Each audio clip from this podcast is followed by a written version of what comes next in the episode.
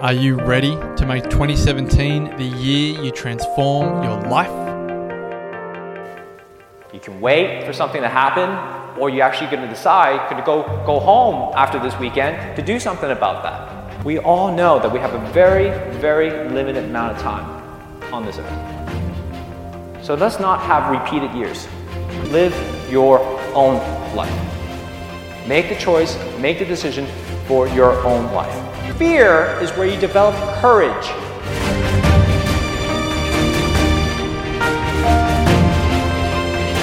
There's a moment going, holy crap, all right, I'm gonna do this now. The wellness breakthrough is coming. And so you actually have that choice every single morning, every single day, every single moment to decide whether you're going to live it to the fullest or not. Join myself, Marcus Pearce, and the wellness guys, Damian Kristof, Lawrence Tam, and Brett Hill, for two nights and three days of transformation at the Country Place. 10 acres of breathtaking rainforest in the Dandenong Ranges of Victoria, February 17 to 19.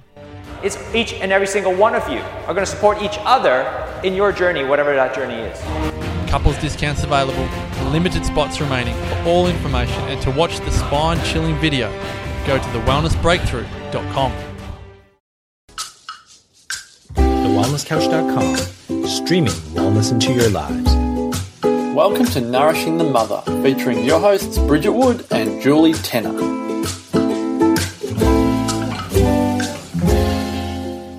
Hello and welcome to Nourishing the Mother. I'm Julie Tenner. And I'm Bridget Wood.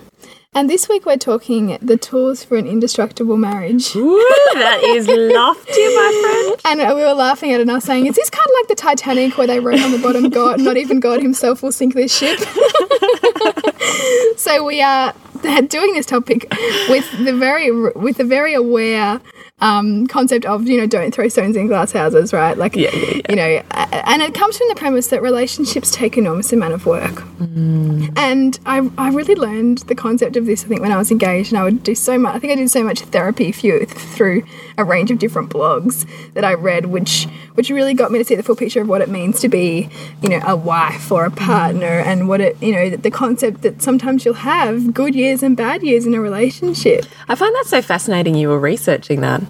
I think I really wanted to understand who I was in this transition in my life and what that transition in my life would mean. Like, I was looking for other women who were on the cusp of that same kind of journey mm to understand their experiences to then ground my own. That's so interesting. Yeah. That's your that's your value on knowledge, isn't it? I never did that. Yeah, I, I really I did. Yeah. Like, I, I, was it was like it consumed me, and it was great. It was almost like a form of therapy because yeah, I got to see that. Well, it's these, education in relationship. Which when do we get that anyway? That, that's really what it was. It was seeking that education, and I read a whole bunch of books like you know what's the meaning of wife and like you know mm. that kind of construct and how how I dealt with my feelings of push and pull around that like because I think I felt that there was such an injected ideal that you should be 110% certain that you're going to marry this person you're going to you know live live happily ever mm. after forever and ever and ever. And, and I didn't believe that. I didn't believe that that was possible without challenge. And so it was really understanding what does the challenge look like and how do I want to navigate the challenge and the reason why we want to tackle this topic is because both of us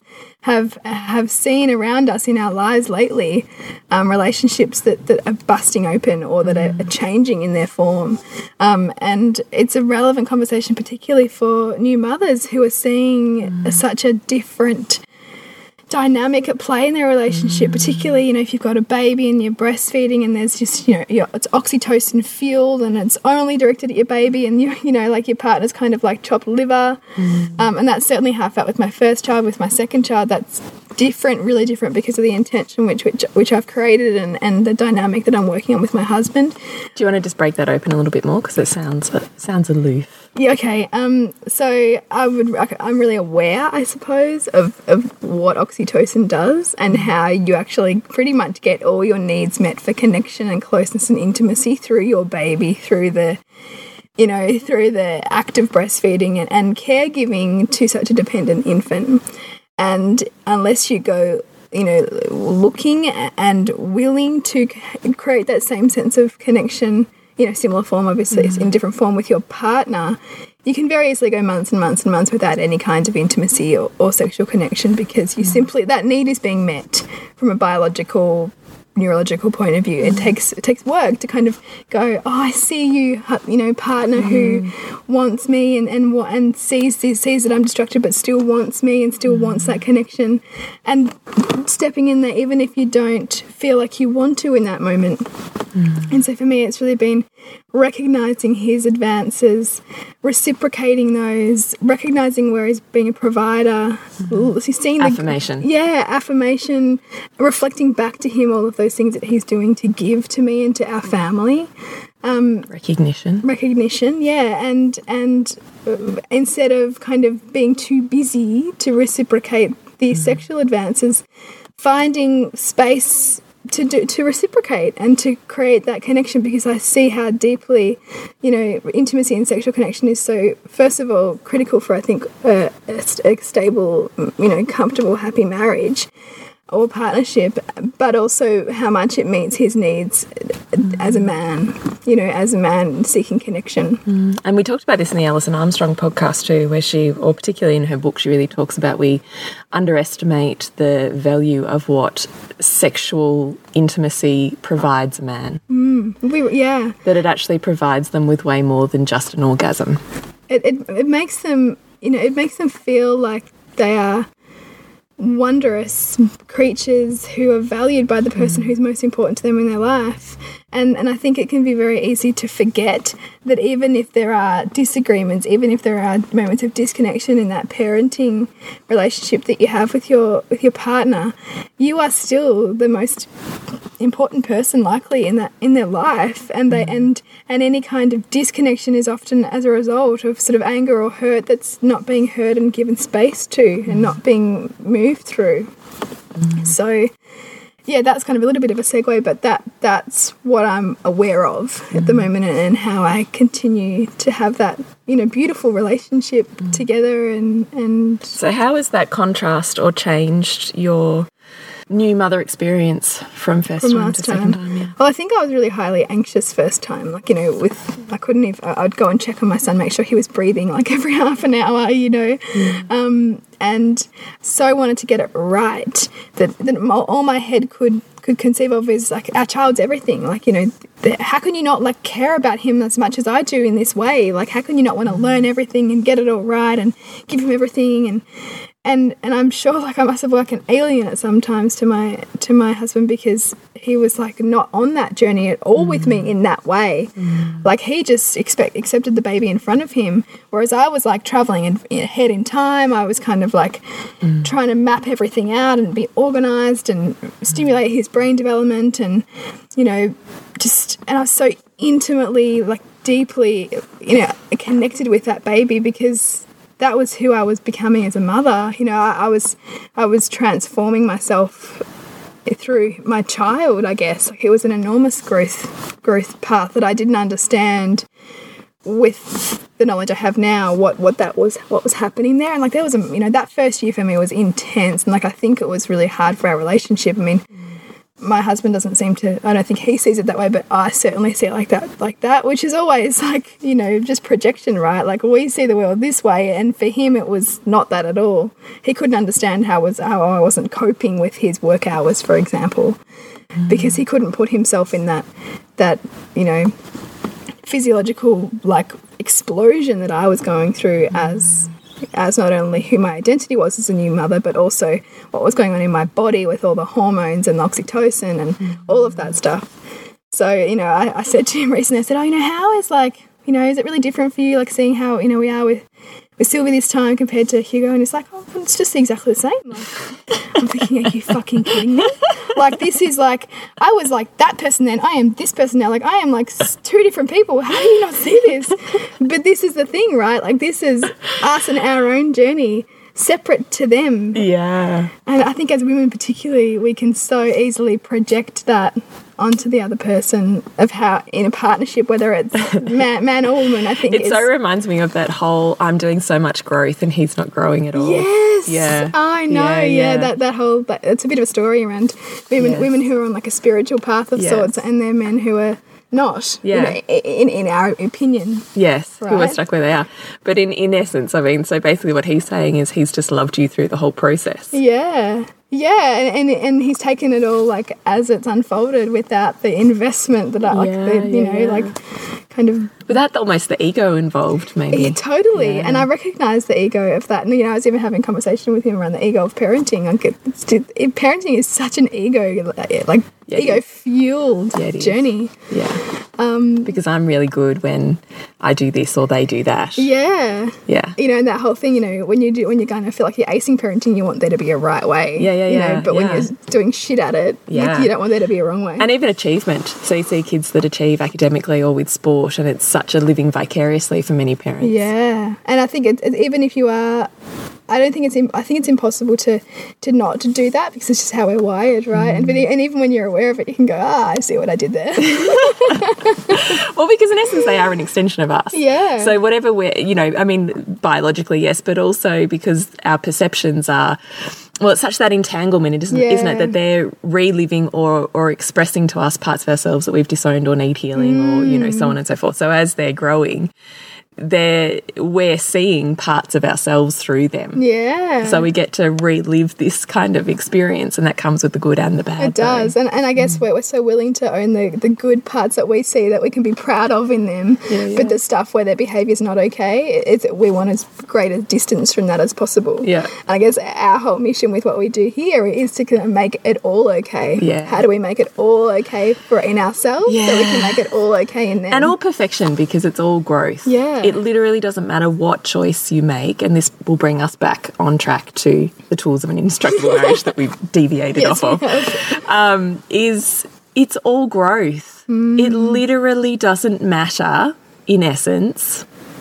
That's probably not a good choice of words, but in essence, it doesn't matter what choice you make because any choice equals growth. Mm. And the choice that you do make is the choice for your greatest growth. Mm. That doesn't mean it's always pleasurable. No. Often the choices we make have the biggest slap in the face or, you know, destructive um, ramifications around mm. us, but that's still growth. Yeah, and I mean, I think in the context of how we can apply that to the notion of an indestructible marriage, the challenge that you're faced with in a marriage might be the very challenge that you're designed to grow through. Mm-hmm. But, you know, because as humans, we have this constant battle between our lower mind, our animal mind, and our higher mind, our more spiritual mind, that's why desire is what sweeps us off our feet and means that we seek the grass is always, the grass is greener kind of notion. But where we can see the challenge in a marriage or a partnership and not want to run from that and see that somebody else over here or some solution over here is better Yeah. than facing that, Yeah. then we can we can ha have have what we perceive we're missing, but have it within the the unit that we're in. Yeah. So ultimately, what Bridget's alluding to here is. Um, well, it's infidelity, really, isn't it? It's affairs. Yeah. It's looking for the person outside of your intimate partnership that seems to have everything they don't. Hmm. And I'm always very cautious when I see this playing out. And it's played out for one of my close friends recently. And consequently, she's left her marriage for this other person who is everything her husband never will be, in inverted hmm. commas. And I keep waiting for the other side because I can see this infatuation building like this mm. huge mountain up, up, up, up. So amazing, so shiny, so perfect.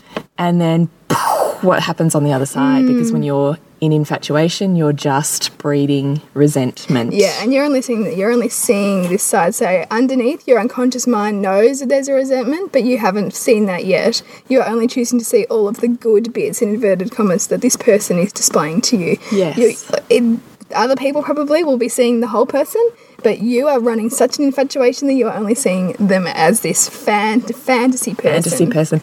And the animal, I think, within us really, really fuels this because we're so mm.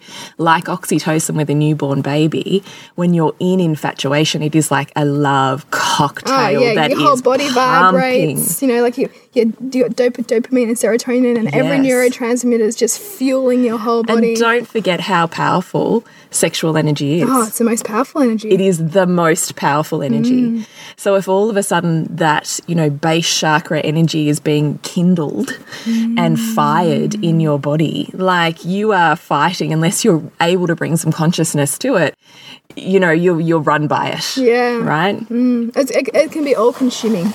It is. Infatuation is, and right? this this this is where I think people get have a mistake where they trust their body. They trust the, the Yes. you know, like my, your body knows best. Well, your body's your subconscious, and your body is also very animal driven. yes. So unless you bring the equilibration of your mind Yes. to, to what your body is trying to, to, to do for you, Yes. and you know, And taking the emotions as feedback. yeah, as signposts for that's interesting, what's going on there. Mm. If we just run with it, we do end up in a very volatile situations because we're emotional highs and emotional lows, emotional highs and emotional lows, Mm. and drama seeking to actually continue that stimulation feedback. It's almost like an addiction to those, Those hormones, chemicals, chemicals, yeah. within our body. So the only way to bring a more balanced state of emotion is to start bringing in the high mind and looking at the those feelings within your body as feedback. Where is it? What is it? Why am I feeling it? What does it remind me of? What else is going on here? Those sorts of questions that help you equilibrate the emotions because emotions are, are false. They're just a feeling in your body that's driving you somewhere, but they're not the truth of any situation. yeah, because emotions are, are one sided. So when we talk about infatuation being one sided, so are the emotions that are attached to that. They're not seeing the whole picture. No.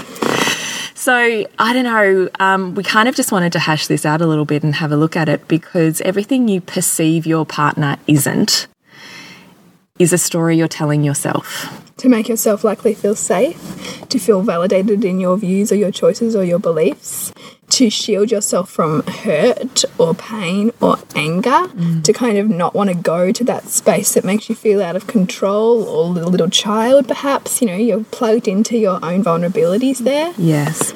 So, our partners, because of the dynamic at play within a partnership, and you can look at this as a soul dynamic um, within a family and within a chosen partnership as much as just a dynamic that exists. Mm. But it's this sense of they are hardwired to express for us our repressed parts. So, they're our perfect synonym to creating our wholeness. Mm. And that's why they rub us up the wrong way so well.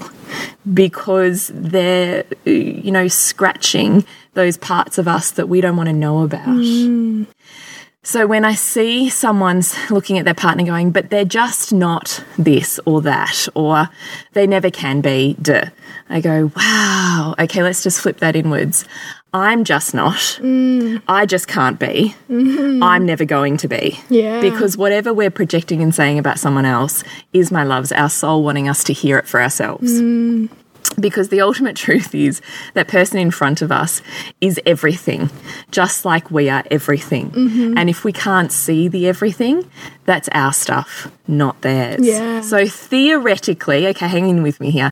Theoretically, every partnership should be able to work if we're willing to face the challenge and grow ourselves Yes. in a relationship. Absolutely. That won't always happen No.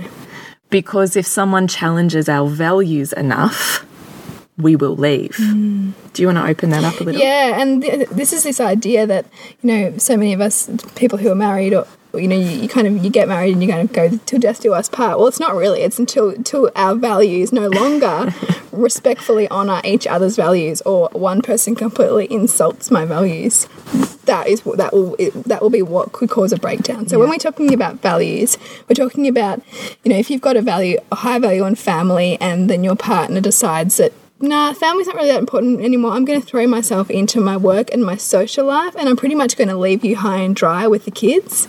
If that gets to a point where there is zero, you know, kind of crossover in values and zero opportunity for one party to kind of come to some some form of compromise and each help each other, then that then, then that's a bit of kind of doomed to fail. And that's simply because each partner is not able to communicate in the other person's values and honor them, you know, and kind of compromise and kind of do a bit for each other to make each other feel happy and whole in themselves. and values is critical and values is also what what you know sends people astray like for instance you know in our blog this week we've had an uh, you know anonymous woman in our tribe write a blog for us and that's talking about how her husband cheated and in fact it was the best thing for her because which I actually really love that flip is yeah. remove the judgment because everything's a feedback, right? Yeah, and it's it's what it's I thought huge. was powerful was how much she instantly took that inwardly, mm. and I she and she recognised the story because in her case it had been a you know a very largely sort of sexless marriage in recent years since she'd had the children and breastfed for a long time and, and, and recognized that her resistance to sex was because of childhood shame around sex. And so she actually had a visceral reaction in her body where she would almost shut down towards her husband's initiations for sex. So if we understand the masculine, that is enormously demasculating, you know. Mm. What's the, what am I saying? Emasculating. Emasculating. Yeah. So basically, he is just feeling like he's the most important person in his world, doesn't want him, mm. doesn't feel attracted to him, you know, mm. that is like soul destroying. It is. And don't get caught up in the masculine as well because we all have masculine totally. and we all have feminine. Yeah. So whenever either of us are feeling, because you may be the one that has a higher sexual drive than your partner because of just the polarities of feminine and masculine that you mm. have within with you. Yeah. But it's the same feelings will apply to that same part of yourself and we both have feminine and masculine. Mm. But in her case it was, you know, she could recognize the pattern but didn't want to go there mm. and it was almost like this this cataclysmic, you know, thing that happened in her marriage where where he went off and slept with someone else was was her like wake up call was her wake up call to not not be okay with the act of what he'd done like i mean she still wasn't okay with that but could see the feedback that that was offering her to to let go of all the baggage that she'd been carrying around her own internal shame and her mm. own judgments on her own sexuality and her body and all of those mm. kinds of things i mean so when we look about choices for growth like mm could there ever in this world have been a choice as one destructive or as two as growthful yeah. as the choice that her and her husband made in mm. that like it's so profound. It's massive. And i mean like we talk about the feather the brick or you know sledgehammer. sledgehammer. She got the feather she got the brick right? Like she, there, there would have been messages there would have been messages. yeah. there would have been messages that, that, that there was issues going on here. And and ultimately the brick came and the sledgehammer. And it, sorry, the sledgehammer. I'm really not good with the order of things. but the sledgehammer came, and and that was her. And some of us could could run away from the sledgehammer and make it all about the person. Yeah, and very easily. I would say most of our culture would do that. Yeah, would make it their fault. They're wrong. How could they do it? Poor me. Mm -hmm. But instead, she leaned into it.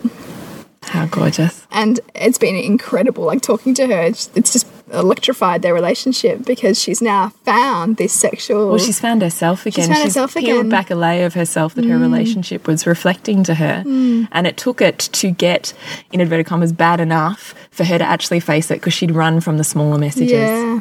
which so many of us do in different forms. Totally. I, mean, I, th I think when we're all doing it, you know, some of us might be super empowered in this particular area and, yeah, and disempowered in other areas, and, and there's no right or wrong, good or bad. Like you know, I know more than you, blah blah blah stuff going on here. Yeah. It's simply just feeling into this area of your life and, and, and where we could, you know, perhaps enrich it more or see the messages that are playing out, you know, in the dynamic of the relationship to create more tools to work through yeah. the hard stuff. Because the emotions and the feelings are the signposts. Yeah. The flags that go, you know, pay attention over here. What do you think's going on here? Mm. Ah, oh, but we have so much story, and often we're so invested in our story. Yeah. We're so, it's become so part of us that we, you know, that we can't separate the story from ourselves. That was what was really interesting in our latest round of Loathing to Loving, which was the recognition that so many women had for their story, mm. for how much their story had run them, and how much safety is in the story. Well, how much they'd attached their sense of identity to yeah. it. So I just am, they just are. Mm. This is how it works that rigidity. Yeah, when we're trying to suggest that, well, no one is or isn't, it's mm. all a story let's open up the story to create mm. the freedom for you to be more than is and isn't. And that is where there was some of the most largest breakthroughs. Yeah. You know? Some of them took a long time though. Some yeah. of them were really resistant, depending on how much you cling on to your story mm. as a sense of mm. self and a sense of right and wrong for those around you. Mm. Will depend on how willing you are to open that up. Mm. But the thing is, once you open that Pandora's box and you're willing to look at life with a different perspective and yeah. how you function and therefore how people around you function, creates enormous freedom. And I think it's also that developing that toolkit, like, and that's what the group has been so useful for. Because even Yes. if, even no, no matter how much you're delving in, you're still seeing other people go, oh, like that's linked with that, linked with that, and Yeah. you start to see almost like life as your playground of, of Yes. understanding and growth, as opposed to, And know, also not getting stuck in the fact that what you're saying is right. Starting mm. to go, why do I think that? Is mm. there another version? Yeah, And even just that is really powerful. as a as a process of questioning to bring into your life. Yeah, I just love it. It's it's been pretty incredible to see Yeah, that unfold for people. But we stick to our stories, and often our stories are what I think play out very destructively within relationships. And um, I think communication is probably a base for any of this. So, mm-hmm. communication, like you were saying, Bridget, in terms of being able to pause and recognize the acts of giving, mm-hmm. service, and providing that our partners give us, because that affirmation is validating and connecting in itself. Mm-hmm. But often we're so uncomfortable with our own magnificence that to speak it out loud to that person who we're very, you know, emotionally caught up with can be really difficult to even do that. It can feel really uncomfortable to let someone know you think they're magnificent. Yeah. So part of that is working on your own magnificence mm. so that you can recognize your own. And part of it is just, like we just talked about, leaning into those icky feelings and just doing it anyway. Mm. Because the more you do it, it's like um, the more awkward conversations you have, the less you have, right? Mm. Because it just becomes how practice. you speak. It just Yeah. becomes how you communicate. And the more you do it, the more you bust the story that you have around why it's uncomfortable or icky or not okay. Mm. And the more you bust the story, the more the story no longer needs to exist for you. and it just drops away. Hmm. Drops away because you you no longer go create, creating the charges, like you know the situations to, to keep pressing that button for you because Yes. you've, you've shifted the button. Exactly. You've healed the button. So, communication through the form of affirmation and recognition, I think, is hugely important. I don't think we remotely, as a as a general society, do enough of that. I don't think we recognise the small, intimate, um, incredible moments that that we have around us every day. And for me, I, I think that's probably the main thing I see in my um, close friendships and their relationships is the lack of affirmation.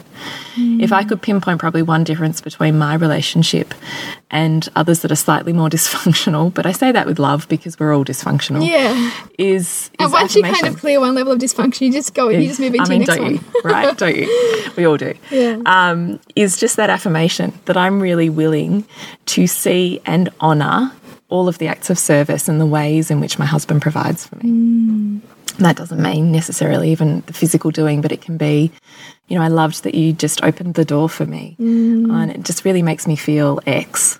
Or that felt so nice when you touched me, da da da, and that made me feel da da da. Mm. Like just being able to break down what's happened and what those feelings are inside of you allows them to go, ah, okay, that's like a thing.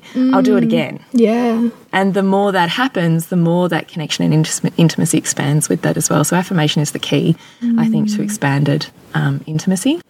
I also think communication for those parts that rub you up the wrong way is being Yeah. able to actually, again, step into it without the defensiveness and see what the feedback for you is. So, you know, being able to have a conversation that has a resolution at the end, I think is really powerful for a relationship. Having a toolkit that's uh, a set of, I suppose, processes you can go through to come to the point of resolution and going, I see my stuff in this. Or, you know, flipping it in terms of there's something that's happened, this is what's going on for me, what's going on for you, mm. and being able to then take equal ownership or equal action steps mm. because it's never ever just one person, it's both. Mm. And then I think your point on sexual intimacy as well. I think sexual intimacy is is is not just fucking, and I don't want to confuse those lines as well because I think there's a lot of oh well I'll just lie there and you do the rest of it, and that's not the sexual relationship I'm talking about that saves a marriage. The sexual relationship I'm talking about that creates long lasting intimacy is the one that feels connected. Mm. It's not about the orgasm. It's not about this one tiny version of pleasure. It's about the expanded version of pleasure and connection that intimacy through our most vulnerable parts, which which totally includes our sexual self, mm. allows.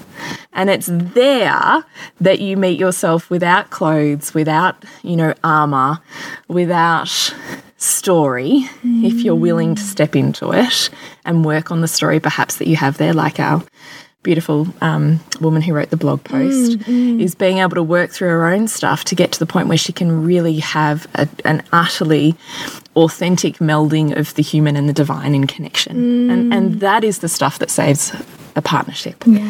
It, it's not simply sex and orgasm. Yeah, just grin and bear it, kind of like just provide through resentment. You know, that kind of. Yeah, or that you're doing them a favor by giving up your body. Mm. Kind of go, oh no. And that, that's that's totally discounting the power of intention, the power of you know authentic connection, which is what we're seeking here. Mm. You know, we're really seeking to how to shed the layers of yourself that make that kind of thing uncomfortable for you, so you can relish in that and Yeah. grow in that and be all that you are in that. Yeah, absolutely.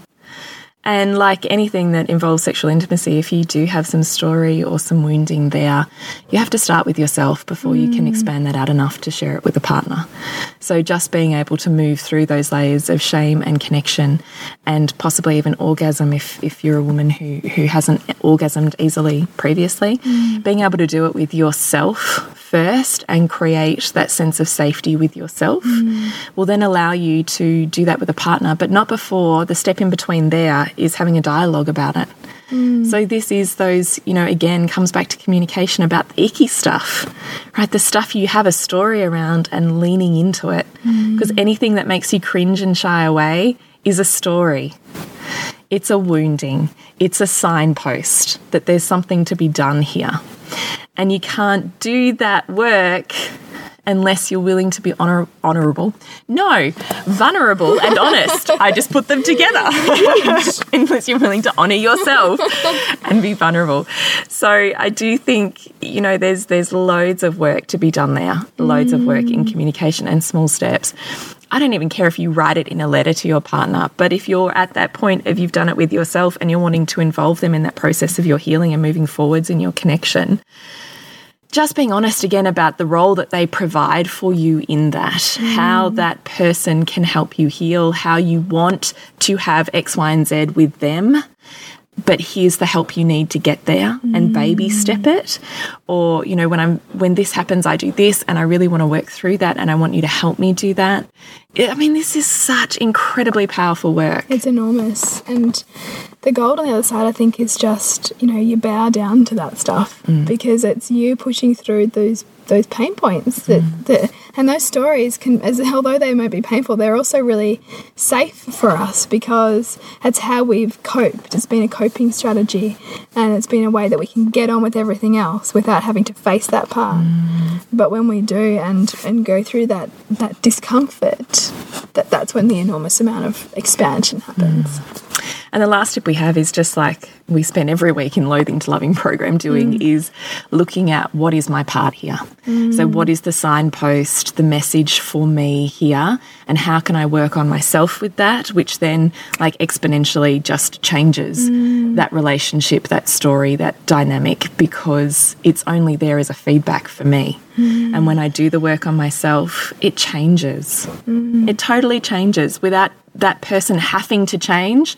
They automatically do because you've changed your perception of them. Yeah. You've changed the charge that's there. And so, therefore, the way that they meet you emotionally and otherwise is different. completely different So, we hope that we've given you some tools there for really starting to consider how incredibly profound our intimate relationships are mm. and that we really, really, really want this tribe of women to really consciously carve out their futures with their intimate partners mm. and with themselves. And, you know, we really are here to help you bust those stories. We'd love you to, you know, write into us if you really have something specific that you would like help to dissolve. And um, we do have our next Loathing to Loving program starting in February. So if you really feel like you're totally ready to just own more of yourself over five weeks, then this is totally the space for you to do that in a really safe and supportive, but not without challenge way. Is there anything you want to add, Pidgey? No, I just I love that kind of whole overview, and um, I think that it's like anything. Anything good takes work. Anything rewarding takes work. Yeah. And and I think when we can see that work as work that we would love to lean into because it helps us know more of ourselves, then then that's when it can be a beautiful journey. Mm-hmm. Mm. So please connect with us on nourishingthemother.com.au, Nourishing the Mother on Facebook and Instagram. Please rate us on iTunes and leave a review on Facebook if you have five seconds and you've got something out of this podcast. Thank you so much for listening once Yeah, again. It's just delightful. we really hope you are having a really intimate, connected pathway into Christmas this week Yeah. and that you find the spaciousness within yourself to sit with the intimacy that you actually have created around you and within yourself. That is what we wish for you. And have a very Merry Christmas. Have beautiful time with your family. And love them anyway if you don't. How can you love them anyway? and we'll see you next week when we continue to peel back the layers on your mothering journey. This has been a production of TheWellnessCouch.com. Check us out on Facebook and join in the conversation on Facebook.com forward slash The Wellness Couch. Subscribe to each show on iTunes and check us out on Twitter. The Wellness Couch, streaming wellness into your lives. Whilst the Wellness Couch presenter endeavor to provide accurate and helpful information to their listeners, these podcasts cannot take into account individual circumstances and are not intended to be a substitute for health and medical advice from a qualified health professional. You should always seek the advice of a qualified health professional before acting on any of the information provided by any of the Wellness Couch podcasts.